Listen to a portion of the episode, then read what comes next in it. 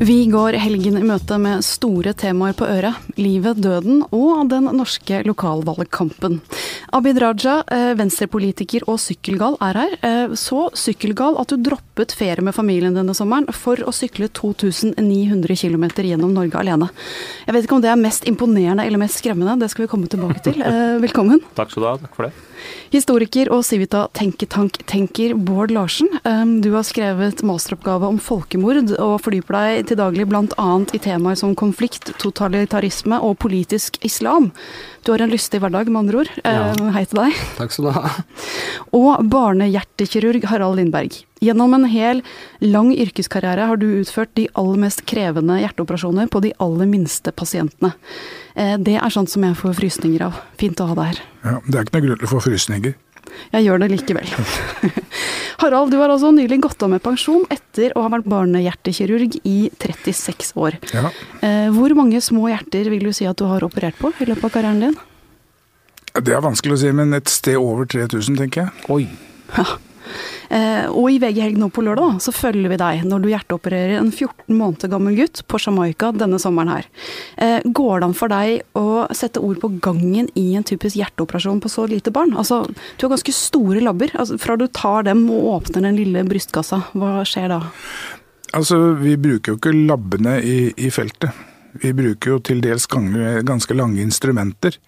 Og, det som er problemet, er at hvis man ikke har en helt fjellstø hånd, så vil selv en liten skjelving der oppe bli ganske stor der nede. Så du må virkelig, det må du i hvert fall ha, en fjellstø hånd. Og så bør du ha et godt blikk. For det, vi bruker jo lupper og sånn, da. Så det er på den måten vi opererer med instrumenter og, og, og lupper. Mm. Tenker du hver gang du gjør det på at nå står du faktisk med kilden til livet i en av disse instrumentene som du holder i hendene dine, eller blir det en rutine? Ja, så Når man snakker med foreldrene og tenker gjennom operasjonen, så har man jo holdt på å si, aspekter ved liv og død. Men når jeg står der, altså det dekkes jo med grønne duker, ikke sant? så det er et bitte lite felt. Da er det bare få gjort jobben. ikke sant? Da er det en oppgave som jeg skal løse, og den må jeg bare få gjort på best mulig måte. Så da er Hvis alt går bra, så er det greit. Men hvis det ikke gjør det, da begynner du å få den følelsen at dette her, det nå, nå, nå ser det dårlig ut, og kanskje jeg mister barnet, ikke sant. Og det er en forferdelig følelse. For du har mista noen også? Det har jeg gjort. Ja. Før mista vi jo Når jeg begynte i barnehjertekirurgien, så var jo gjennomsnittlig dødelighet 10 Enkelte av de aller verste casene, da var vi jo over 50% dødelighet, mens nå er vi under totalt 1% dødelighet. Jøss. Yes. Men det å operere på de aller minste, for meg så virker det som det skumleste man kan gjøre som en kirurg. Er det det som trigget deg til å spesialisere deg i nettopp det? Mm, nei, ikke Altså, det, det, det, som trigget meg, var variasjonen. Altså, jeg, jeg, I 81 gjorde jeg et valg om jeg skulle bli barnehjertekirurg eller, eller vanlig hjertekirurg. og Da tenkte jeg at å stå og operere hjerteklaffer og koronar bypass resten av livet, det gidder jeg ikke. Men da snakket jeg med han som drev med barnehjertekirurgi, og så kompleksiteten i det. ikke sant? Det er det som trigger meg, at det, det blir variasjoner, og hvert case er helt forskjellig fra noe annet. Mm. Abid, kan du bli litt misunnelig? Altså, du har jo en eh, politikerjobb akkurat nå. Eh, det er noen som har mer direkte innflytelse på liv enn det du har? Ja, det er klart, og det er veldig bra at vi har gode leger i Norge. Eh, og man har god forskning rundt dette også, for det er jo både hjertekirurgi, kreft osv. Altså mange andre sykdommer.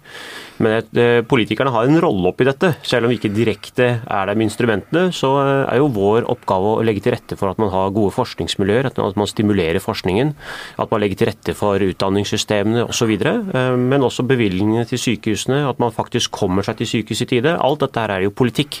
Så selv om politikerne ikke direkte står der i førstelinja og redder livet, så er realiteten lager du ikke sykehusstruktur godt nok nært nok folk, og de ikke kommer seg i tide, så hjelper det ikke at du har gode leger heller.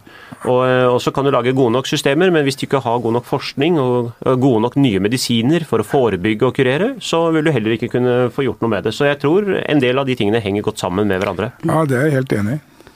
Ja, du, man kan jo tenke litt på Aristoteles og den praktiske visdom. Mm. og En, en slags sånn moralfilosofisk overbygging er jo at du er ikke det du sier, men du er det du gjør. Mm. Sånn at eh, da oppfyller du i hvert fall den aristoteliske delen av den praktiske visdom. Ja da, hippokratiske lege deler gjelder jo fortsatt. Ikke skade, lindre og trøste. Takk for at dere brakte meg tilbake til X-Fill. men du Harald, vi skal bringe deg også ut i verden nå, men ikke bare tilbake til, eh, til X-Fill. Fordi at ikke bare har du operert eh, mange tusen pasienter her, men du i sommer f.eks. så tok du en uke av sommerferien din og dro til Jamaica for å hjelpe de som ikke ellers ville hatt den type tilbud. Ja, altså vi prøver jo, takket være mine kontakter i St. Petersburg, Florida, hvor jeg jobba i tre år, så får jeg lov å være med på en sånn charity mission i, i regi av Chain of Hope, hvor vi forsøker å bygge opp da, kompetanse i Caribbean på Bustamante Children's Hospital i Kingston, Jamaica. Og der er vi nå kommet så langt eh, at Eh, den lokale kirurgen. Han opererer nå de aller fleste når vi er der nede, og så støtter vi han. Sånn at jeg opererer jo ikke når jeg er på Jamaica. Jeg står og sier 'skjær etter den prikkete linjen' og ikke gjør det, men gjør det. ikke sant? Det er det som er min jobb med min erfaring og kompetanse, at jeg kan veilede de yngre og mer urutinerte og fortelle om hva som er lurt, og hva som definitivt ikke er lurt. Mm. Men det at du kan forlate de norske sykehusene og de norske pasientene og dra til stedet hvor det er folk med helt andre type levekår eh, og forutsetninger, penger. Hva er det som gjør det meningsfullt for deg? Nei, altså her i Norge er vi jo, vi er jo for å si det litt uh, harskt, da, vi er jo litt bortskjemt. Vi skal jo ha alt, og alt skal være absolutt det beste. Og det vi har i Norge er faktisk det aller beste. Og det er egentlig ikke så veldig mye grunn til å klage. Og når man da kommer til Jamaica, ikke sant, hvor utstyret er helt minimalt, og vi mangler en del ting og har ikke alle medikamenter, så blir man litt ydmyk. ikke sant? Da skjønner man hvor godt man har det hjemme i Norge. Mm. Det blir jo egentlig ikke Du er inne på det, så det, det blir jo ikke bedre enn det vi har. Det er ingen Ingen i verdenshistorien har hatt det bedre enn oss, Nei. verken før vår tid eller nå i vår egen samtid.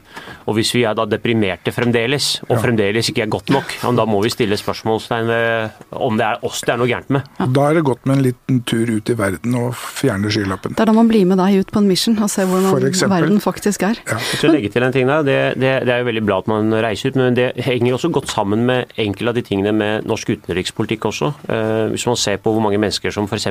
dør av malaria i verden. Altså en lite mygg som dreper flest mennesker som dør i verden i dag, dør pga. dette myggstykket. Eh, og man har, ikke, man har en del malariamedisiner osv., men, men, eh, men det, dette koster penger å distribuere og osv. Og så finnes det en del myter om malaria, og medisinen ikke minst osv. Og så har du på den annen side eh, et sted hvor Norge har faktisk gjort ganske solid hjelp, ytet hjelp, er jo India, hvor barnedødeligheten var veldig høy. Særlig i landsbyene hvor kvinner da er vant til å føde hjemme. Eh, og da under eh, ja, de kårene som er der, og ikke minst den rensligheten osv., så, så så var det ekstremt høy barnedødelighet i India. Og så innførte Norge noen programmer, aktiv bistandspolitikk, skattebetalernes penger, eh, bidrar da altså til at du får en engangssum hvis du kommer deg til sykehus og føder, istedenfor å gjøre det hjemme. Og barnedødeligheten ser du sank eh, rett ned, eh, og tallene gikk, var kjempebra tall. Pluss at man fikk også vaksiner til barn som, som ble født på sykehus. Og Det er et god, godt eksempel på altså, utenrikspolitikk som henger godt sammen med både den medisinske utviklingen, men også da leger uten grenser og, og slike som deg, som, som reiser ut og, og bidrar. Det, jeg tror alt dette henger godt sammen. Det er, det er ordentlig hjelp i nærområdene, det, rett og slett. Mm. Eh, Harald, du er jo i mine øyne i hvert fall en slags sånn eh, kirurgiens superhelt. Men av og til så trenger selv helter litt hjelp. Eh, og du har opplevd at ditt eget hjerte begynte å knirke? Det er riktig. Jeg vil si jeg merka ikke så mye til det før eh, holdt på å si infarktet slo til. Oi. Hadde ingen symptomer. Du bare lå der ennå? Det var, ja, det var forbindelse med en annen operasjon, faktisk. Så når jeg våknet av narkosen, så hadde jeg fått et hjerteinfarkt. Oi. Uten symptomer. Hvem var det da som tok hånd om deg? Nei, altså Da var jeg nyoperert, så de kunne ikke gjøre verken det ene eller andre av moderne behandling. Verken bypass-kirurgi eller sånn stenting. Så da fikk jeg god gammeldags behandling, morfin og sengeleie. Og det forløp heldigvis greit. Og så senere så har jeg da undergått øh, åpen hjertekirurgi. Men Hvordan var det å havne i pasientens sted? Altså Du som vanligvis står over bordet, er den som har full kontroll på dette her? Nei, men Det var jo helt flott. Jeg, jeg vet jo at du får utmerket behandling. ikke sant? At ja, De beste doktor- og sykepleiere i, i, hele verden. Så det var jo ikke noe grunn til å holdt på å si, være verken engstelig eller noe annet. Jeg, jeg, Bokstavelig la livet mitt i deres hender og visste at dette her, det går bra. Hm. Det kan være tips til den som skal opp på ditt bord, eller noen andres bord en gang også. Det går bra? Ja, det, gjør det, gjør det altså. Mm. Eh, Bård, vi skal videre fra de som redder liv, til de som reiser ut for å ta liv. Eh, vi hadde en sak på trykk i VG Helg forrige uke som fortalte historien om ambulansearbeider Helge fra Finnmark, som ikke klarte å sitte stille og se på det som skjer i Syria, og som vervet seg til den kurdiske YPG-styrken eh, og dro ut for å krige mot IS. Og nå skal vi understreke at du ikke har forsket verken på Helge eller andre vestlige krigere i Syria, så du er her i kraft av å være en slags sånn kvalifisert synser. Men om du skal synse litt. Uh, Helge han sier jo selv at det han driver med er en type sånn aggressivt humanitært arbeid. Mm -hmm. Han har vært i Syria, han har drept folk, han vil ikke si hvor mange, men han mener altså at han gjør det i det godes tjeneste. Henger et sånt resonnement på greip for deg? Ja, det er jo ikke så lett å svare ja eller nei på det. Altså, Fiendebildet, hvis man kan kalle det det, i konflikten i Syria er jo ganske, ganske klar. Uh, IS er unektelig noe av det mest uh, brutale vi har sett uh, siden Einsatzgruppen under andre verdenskrig. Det er jo, det er jo helt, helt, makabert at noe slikt har kunnet vokse. og for kurderne spesielt, og andre folkegrupper som jesidiene, er det en helt fortvila situasjon, og de får jo ikke noe oppbacking å snakke om fra det internasjonale samfunn. Så, så Eh, sånn rent etisk så, så er, det jo veldig stor forståelse for det. Har jeg stor forståelse for det. Og, og, og eh, vi har jo andre eksempler på borgerkriger hvor, hvor, frivillige har reist og kjempet i irregulære styrker. Men det er jo altså et, det er et problem juridisk, også etisk juridisk, og det er et folkerettslig problem at folk tar seg til rette. Ja, for du sa irregulære styrker. Altså det å være en del av en hær som ikke offisielt er en hær. Det er det som er problematisk? Ja, det er jo borgerkrigens natur. Og selve folkerettstanken som oppsto på 1600-tallet, er jo på en måte en slags systematisering å få en internasjonal orden, og den skulle være mellom stater. Uh, og det blir jo, jo lenger ned dette her drypper, og jo mer fragmentert voldsbruken blir, jo mer irregulær den blir, jo vanskeligere er det å ha oversikt. Det ser vi jo her hjemme også. Hvordan skal vi forholde oss til fremmedkrigere når de kommer hjem? Men ikke minst er det et, et, et internasjonalt folkerettslig problem, hvor borgerkrigen på en måte står som det mest eh, Også den mest brutale formen for krigføring, fordi at man ikke har stater som tross De aller fleste stater holder litt tilbake i voldsbruken mm. pga. internasjonal strafferett. Ja, og når du er der eh, uten en stat, så kan det bli litt mindre kontrollert. Du skal få si noe straks, Abid, men ett spørsmål til bare først. Hva tror du driver disse disse folkene. Altså, Helge sier jo at han kunne ikke sitte stille og se på det. Eh, er det det? Er det sånn genuint ønske om å redde verden, eller er det et ønske om å være helt? Er det et ønske om å søke spenning? Hva tror du? Altså, igjen, ikke noe enkelt svar på det. det. Det er jo vel antagelig slik at all krigføring tiltrekker seg mennesker som både kan ha voldelige impulser, som har spenningsimpulser, og idealister. Det ligger i krigens natur. Er, krig er spennende. Det er fryktinngytende, men det er spennende. Så her ligger det en del psykologi, selvfølgelig. Eh, men eh, det vi vet, nå er det jo ikke veldig vanlig at nordmenn og skandinaver reiser ut for å kjempe mot IS. Det er dessverre slik at det, motsatte er, er mer, mer, utbredt. Men blant amerikanere og, og canadiere, engelskmenn, har det vært Eh, man regner med at det er noen hundre som nå kjemper for kurderne. og Der er det både eh, veteraner fra Irak f.eks., som antagelig har dette spenningsmomentet i seg. Kanskje en del av dem drar ut i en forlengelse av kampen mot islam. Men det er også en god representasjon av idealister som reiser ned fordi at de ser at det internasjonale samfunn står, står eh, helt perplekse overfor den situasjonen som jo egentlig på mange måter har folkemorderiske tendenser. Da. Så, så kan, kan, du skjønne noe av det, Abid? Denne følelsen av at nå koker det over, ingen gjør noen ting, her må jeg bare gjøre noe selv? Ja, både òg. Altså, det, det, som må jo sies er jo verdenssamfunnet har jo spilt fallitt når det gjelder eh, krigen og massakrene i, eh, i Syria. Mm. Det er ikke noe tvil om eh, at det har vært menneskerettighetsbrudd der. Det er brudd på krigens lover. Eh, og at man har både brukt eh, tortur og og massedrap eh, og bombing av sivilbefolkningen med ulovlige tønnebomber osv. som man først på det ene øyeblikket har sagt man ikke skal bruke, og så har man fortsatt å bruke og, og, og gjøre massive overgrep på sivilbefolkningen. Samtidig så er eh, verdenssamfunnet er lammet, Og, og, og, man snakker jo litt om det, men Iran og Russland på den ene siden, eh, offisielt eller uoffisielt, eh, støtter Assad-regimet og, og, forsyner med våpen osv. Og, så og har egne storpolitiske interesser i dette, og blokkerer da selvfølgelig både Nato og USA til å, til å gripe inn. Samtidig så, så har du handlingslammelse også i den arabiske ligaen, som jo har for så vidt støttet Syria, men allikevel er handlingslammet som sådan. Og det driver da mennesker på flukt. Og så drar folk herfra, og det juridiske tomrommet i Norge er jo bekymringsfullt fordi vi ikke har en Iallfall så vet ikke folk eh, klart nok hvor grensene går for hva du kan gjøre og ikke gjøre. Og det er juridiske uklare sider her. Ja, for akkurat, altså, det, akkurat, det, å dra ut, det er ikke straffbart? Ja, altså Hvis du begår krigshandlinger i utlandet, så kan det være straffbart. Hvis du ja, dreper folk i utlandet, det, så kan det være straffbart. Det er straffbart hvis du bryter folkeretten, og hvis du går i tjeneste for, og til og med er medlem eller støtter, en, en svartelistet terrorgruppe. Altså. Som er svartelistet primært av FN, men også av EU. Så, så, så, kan komme, så, kan du komme i en del uh, uklare juridiske dilemmaer som ikke er helt ut avklart. Mm. Hva hvis du kriger for en part uh, som ikke er svartelistet, uh, men som kriger mot f.eks. våre allierte? Mm.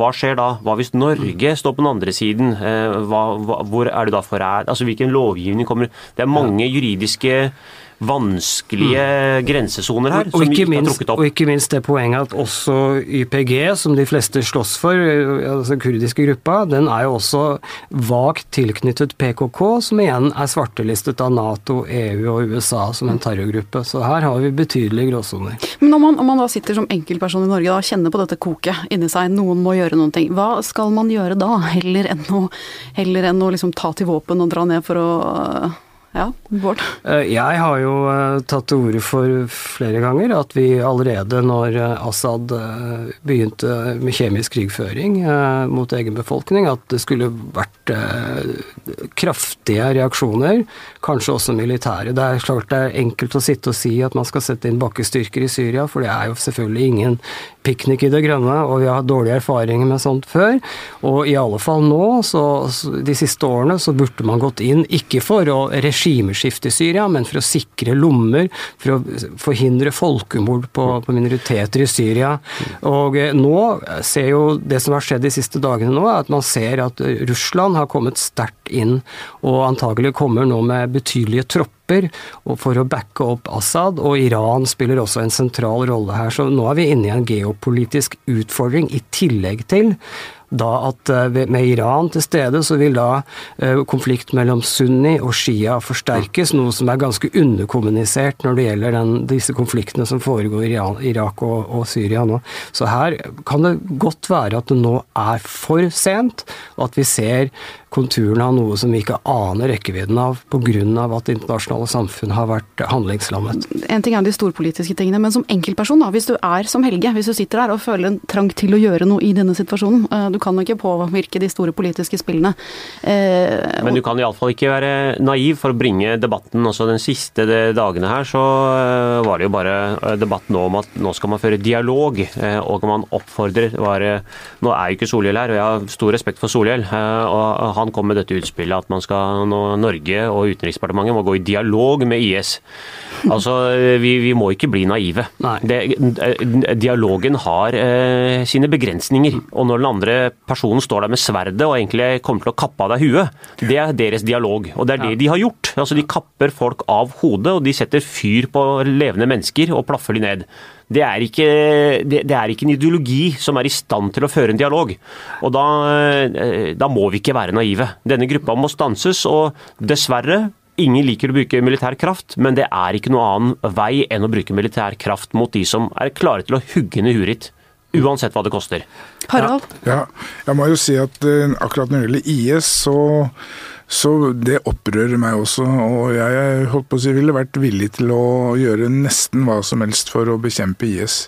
Jeg vet ikke om jeg kommer til å dra ned og, og være med som kriger, men hvis jeg holdt på å si ble satt i en situasjon og var nødt til å gjøre et eller annet, så ville jeg ikke holdt på å si det, ville jeg ta nesten i bruk hva som helst. Fordi de, de, det er ikke Det er som jeg sier, det du kan ikke snakke med med folk som bare kapper huet av det eller brenner opp. Jeg tenkte vi skulle ende på sånn en hyggelig liten jo, ting. Men eh, jeg, som- ville, jeg ville som- bare si én ting, og det at vi skal på en måte eh, Det er klart at sympatien ligger jo, bør jo ligge hos den som vil gjøre noe, også i denne situasjonen gjøre noe militært, altså. Eh, og så, så man har ikke, jeg har har ikke noen motforestillinger i en sånn personlig etisk overfor at man går, drar dit og hjelper på den måten man kan, og det er faktisk å ta til våpen og hjelpe kurderne. De trenger all den hjelp de kan få. Samtidig så er denne konflikten etter hvert blitt så stor at disse små historiene, de, de har ingen de, de, Det er på en måte et lite sidespor. Og det er også slik at det er ikke sikkert, jeg vil si antagelig helt sikkert ikke, at, at disse få vestlige krigerne de har kanskje en symbolsk verdi, men spesielt militært bidrag er det jo ikke. Det er mye større krefter som, som står på spill, og vi har også disse folkerettslige, juridiske utfordringene knyttet til det. Så sånn sett så, så ja, all sympati til de som vil gjøre noe, men det er grunn til å være edruelig for hva man gjør og hvilke implikasjoner det har. Jeg var sikker på at dere, dere tre kloke mennesker skulle konkludere med noe sånt. Vil du gjøre noe, støtt en eh, hjelpeaksjon. Dra ut og, og, og yte en skjerv for de som flykter, eller noe sånt. Men eh, i og med at dere var litt mer blodige enn jeg trodde, så, så føyer jeg det til selv. Eh, Jo, men jeg tror det går an å eh, altså det, det, det er klart det, norske, det alminnelige norske folk må bidra på den måten. Ja, ja. Det alminnelige norske folk må ikke dra ned dit for å krige. Nei. det tror jeg er en, en dårlig det er vi helt enig i. men, men samtidig, så kan, samtidig så skal vi ikke være naive og tro at dialog kommer til å føre til at eh, ISIL stopper sin eh, offensiv. Det kommer ikke til å skje, og det må da en internasjonal militær intervensjon til for at vi klarer å få, få stanset dette. Abid, vi skal videre til eh, deg og ditt tema. Den, eh, den lokale norske valgkampen. Er Nå har veldig blodig den nå. Men i, dette, altså, i denne situasjonen som du har snakket om nå, eh, og i den flyktningkrisen som vi ser rase ut i verden altså, Du er jo da toppkandidat for Akershus Venstre, og skal bl.a. være engasjert i kollektivutfordringene på Østlandet. Føles det litt sånn smått? Ja, altså det føles litt rart å drive mm, valgkamp for altså, parolen kommunesammenslåing eller, eller altså, skal, selvfølgelig altså, altså, kollektivtrafikken, når du samtidig har de bildene på netthinnen og hver dag ser at mennesker blir skylt til land i Middelhavet. Og når du har dette gående med kvinner, barn og menn og uskyldige som uh, forsøker å redde sitt liv, og det er det det handler om. Det handler om at de reiser fordi de ønsker å redde sitt liv og sine barns liv, og så drukner de. Det, er, det går jo ikke an å bli mer tragisk uh, og vondt og vanskelig enn det. Og så skal du på samme tid stå da på en jernbanestasjon i Asker og Bærum og dele ut en løpeseddel om å bedre kollektivtrafikken. Så, eh, Gi bort en kopp kaffe, kanskje? ja, så det er vanskelig. Det er vanskelig, Men samtidig så altså, eh, Vi må kunne gjøre flere ting samtidig. Vi må også bedre kollektivtrafikken, men samtidig du må du må også kunne ta imot flyktninger, og du må også kunne hjelpe i nærområdene. og Vi må også ha god forskningspolitikk for å lage gode nye medisiner osv. osv.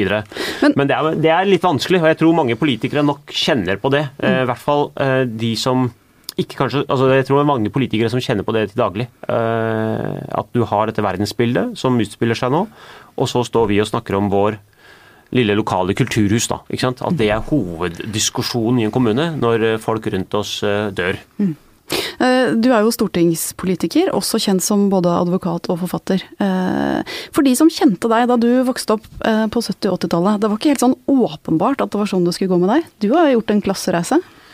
Ja, altså Faren min er jo fra Pakistan, da, så han kom jo til Norge på 70-tallet eh, og hadde med seg ingenting. eh, Og jobba på en spikerfabrikk i Nydalen. eh, Og vi bodde i en kommunal bolig, og mora mi var analfabet, og vi var fire søsken som delte et soverom. Så det er jubelstemning når du har narkomane i oppgangen så hvor du bor.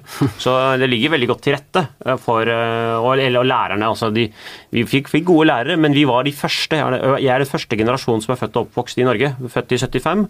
Og første store kullet som gikk igjennom skolesystemet. Og det var ikke det at de var rasister, lærerne, men de hadde bare ikke trua på oss.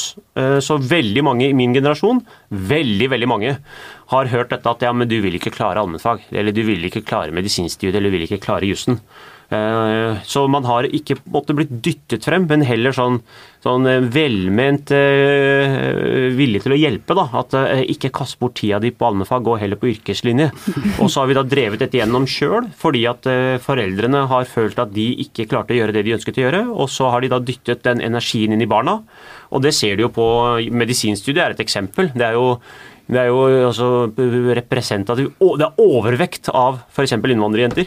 Som tar medisinstudiet. En overvekt av det, prosentvis og osv. Og det er jo den gruppa, jeg jo, setter det på spissen, men det er jo ingen som tar mer ali-fag enn nettopp innvandrerne. Altså A for advokat, L for lege, I for ingeniør. Vi tar jo alifagene en masse, og det, så man er på profesjonsstudier for å få jobb. Så jo, det lå ikke til rette for det, og jeg tror det lå veldig lite til rette for veldig mange innvandrere som vokste opp her på 70-80-tallet, fordi vi var først. Men samtidig så tror jeg veldig mange har bevist Eh, hvor stolte er mor og far av deg når du står og snakker om lokalpolitikken på Østlandet i denne valgkampen? Det jeg tror ikke de får veldig mye med seg av det. Eh, altså Min mor sliter jo på norsken ennå, og faren min også snakker jo litt sånn gebrokkent. og de, de, har gjort en, eh, Det må jo huske at innvandrerhistorien i Norge Ofte så hører vi om disse snylterne, men så glemmer vi altså at de også som har ytt de som kom hit på 70-tallet, som min fars generasjon, han hadde tre jobber. Det er det jeg vokste opp med. Han hadde den fabrikkjobben på Nydalen, og så hadde han en kveldsjobb, eh, vaskejobb, og så hadde han en helgejobb. Og det er da mennesker, og han representerer den generasjonen av pakistanere som jobbet livet av seg. Eh, og var her når eh, virkelig, kan si, altså når eh, industrialiseringen, altså når, når, velferdsstaten kom til i Norge. Og også nå i dag. Så heldigvis har vi gått bort fra når vi snakker om innvandrere. Det gjorde vi for ti år siden. Da snakka vi om at det er veldig bra at de kjører taxi, og det er bra at vi har, vi, har, vi får fine kebab, og så innimellom så får vi litt klær og musikk og sånn. Man snakka liksom innvandrerne inn i det eksotiske. Mm. Nå, slå på TV 2, så ser du første nyhetsankeren sitter her og er norskpakistaner.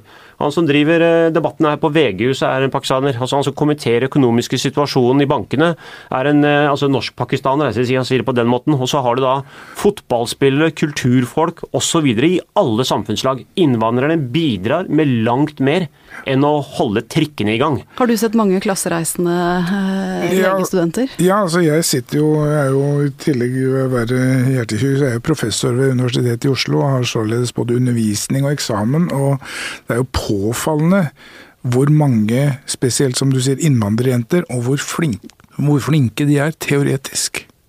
Hmm. Det er helt utrolig. De kan læreboka si fra A til Å, fram og tilbake. altså. Og da handler det ikke om at det er eh, mer press fra foreldre, det er et mer genuint ønske om å rett og slett utbrette noe her i verden? Det er mulig at de ikke får lov å fly så mye ut med gutta, at man sitter hjemme og leser isteden, det vet ikke jeg. Men de er i hvert fall veldig, veldig godt eh, teoretisk skolerte. Det er begge deler, altså, du er inne på dette. Altså, det er klart Vi har undersøkelser som viser at innvandrerjenter har lyst til å delta på fritidsaktiviteter i like stor grad som norske etniske jenter og innvandrergutter, men får ikke lov til å gjøre det.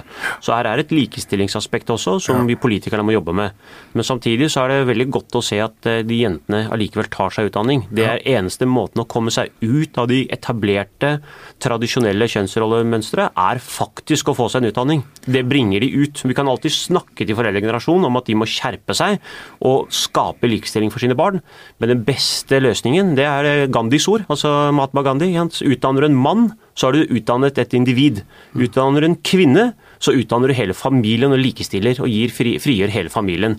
Så dette er, dette er, en god kamp for likestillingen. Og så vil jeg legge til én ting til. og det er i Norge så blander vi ofte innvandrerne inn i en sånn stor graut. og Så klarer vi ikke å sammenligne hvem er hvem og hva, og hva, hva slags utfordringer. For å si det litt sånn. Jeg er den ekte annengenerasjon, altså som man eh, kaller for annengenerasjons innvandrer. Sånn etterkommer, som er det nye mm. begrepet som SSB har brukt. Mine barn mine barn er såkalt tredje generasjon, altså fordi begge foreldrene er født og oppvokst i Norge. Det er de amerikanerne kaller for 'average dumb Americans'. De sier jo, Amerikanske forskere på Stanford har forska på dette. De sier annen generasjon, second generation, de går alltid opp og er liksom top notch. Så kommer tredje generasjon og blir average dumb Americans. Mine barn kommer til å bli de barna som reiser rundt i verden og tar backpack-tur og kommer til å studere sosiologi eller dramalinja. Kommer ikke til å ha noe alifag, de. Så kommer flyktningene. De har en helt annen utfordring. De kommer ikke hit som arbeidsinnvandrere og har et mål om å jobbe og tjene penger og sende penger tilbake til hjemlandet for å forsørge familie de kommer fordi nøden har brakt dem hit. En helt annen type mennesker. De vil koste staten. De vil koste, for det handler om å vise solidaritet. Men deres barn, når de går i barnehagen og går på barneskole, så blir de annen generasjon. Og de har det samme potensialet til å bli akkurat sånn som meg. Mm. Uh, Abid, vi skal også snakke om det som jeg teaset om litt sånn innledningsvis. Uh, det vært mye snakk om de tunge tingene her i dag. Men uh, du har gjort noe som har gjort deg bokstavelig talt mange kilo lettere. Uh, du har jo en, en, fin kropp, må jeg si. Gratulerer med den. Ja, takk. Jeg har gått litt opp igjen, da, men Hvis vi skrur tiden tilbake til nyttårsaften 2007, oh, ja, da, ja. Da, da så den litt annerledes ut. Ja, da, da Legen vil si at jeg har gjort noe nyttig. Jeg veide vel eh, jeg, jeg veide i sånn smørpakker. Da. Det er 44 smørpakker, sånn, mm. tiende sine. Så, så, det er 22 kilo. Det, det har jeg tatt av meg siden da. For du sto foran speilet og tenkte 'hjelp, nå må noe gjøres', noen smørpakker må av? Nei, jeg sto ikke foran speilet egentlig, det turte jeg vel ikke. Da kona satte meg på vekta, så sa hun Uh, stell deg på den, det var nyttårsaften. Og så sto jeg på den, så viste den 109,9. Og sa hun dette er point of no return, Abid. Hvis ett gram til, så kommer du aldri tilbake. Kommer til å bli tjukkas for resten av ditt liv. Så uh, da, da, måtte vi gjøre noe. Så da gjorde vi noe, da. Vi gjorde noe, noe, grep. Så jeg var veldig morsomt i sommer, for da fikk jeg jo Jeg er jo nestleder i transportkomiteen, og det å få min jobb er jo å se eh, veiene, eh, samferdselen, togsystemene, sykkelveiene. Så jeg sykla rett og slett fra Lindesnes til Nordkapp. Tenkte jeg det er den beste måten å se landet på. Og så kjørte jeg da fra Nordkapp ned til Arendalsuka, da med familien, da.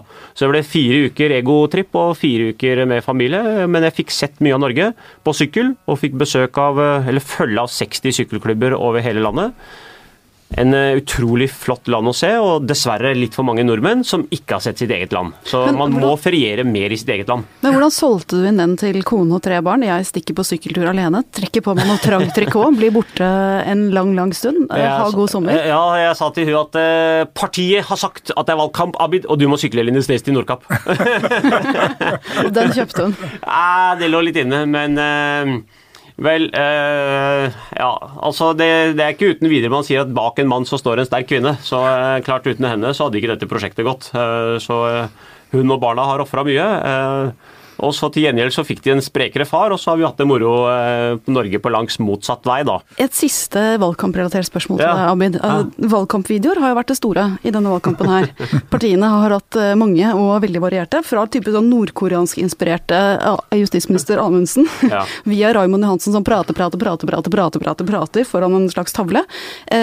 Du kjørte taxi for Venstre ja.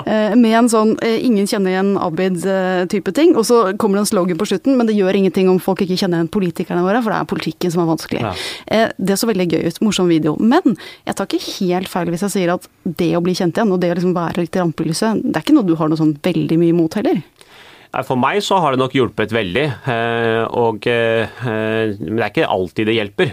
Særlig ikke hvis du får en del negative saker. Så tror jeg du ødelegger karrieren din før den har starta. Men vi lagde jo den filmen litt sånn gimmick på Stoltenberg, som lagde en tilsvarende film for to år siden. Og, og, mens hans var på en måte alle som satte seg inn i taxien, alle kjente igjen Stoltenberg med en gang, og alle var enige i hans politikk, og de, alle skulle stemme Arbeiderpartiet. Mm. Så min litt motsatt. Det er sånn alle som setter seg inn i bilen min, jeg prøver å vise meg virkelig frem, men de kjenner meg ikke igjen i det hele tatt. De kaller meg Tommy Sheriff og osv. Og, så og de er fullstendig uinteressert i mitt politiske budskap, og de skal stemme blankt. Så eh, det er liksom en parodi litt på at eh, det, Og litt for å løfte frem våre lokalpolitikere. For våre lokale politikere, eh, og ikke bare våre, men alle lokalpolitikerne, eh, de er veldig ukjente. Og, eh, så det var en, også et forsøk på å si at vet du hva, vi, mange av oss er veldig ukjente. Men Kanskje du liker politikken vår allikevel? Kanskje de blir kjent med sin lokalpolitiker gjennom den videoen? Jeg skjønte poenget, altså. Men ja, ja, jeg forklart det. Ja. Mitt spørsmål til deg var om du trives vel egentlig litt i rampelyset? Du liker å være Du er Abid Raja, en personlighet, og det er egentlig ganske bra? Det plager ikke meg. Altså, jeg søkte offentligheten aktivt sjøl når jeg gikk på jusstudiet.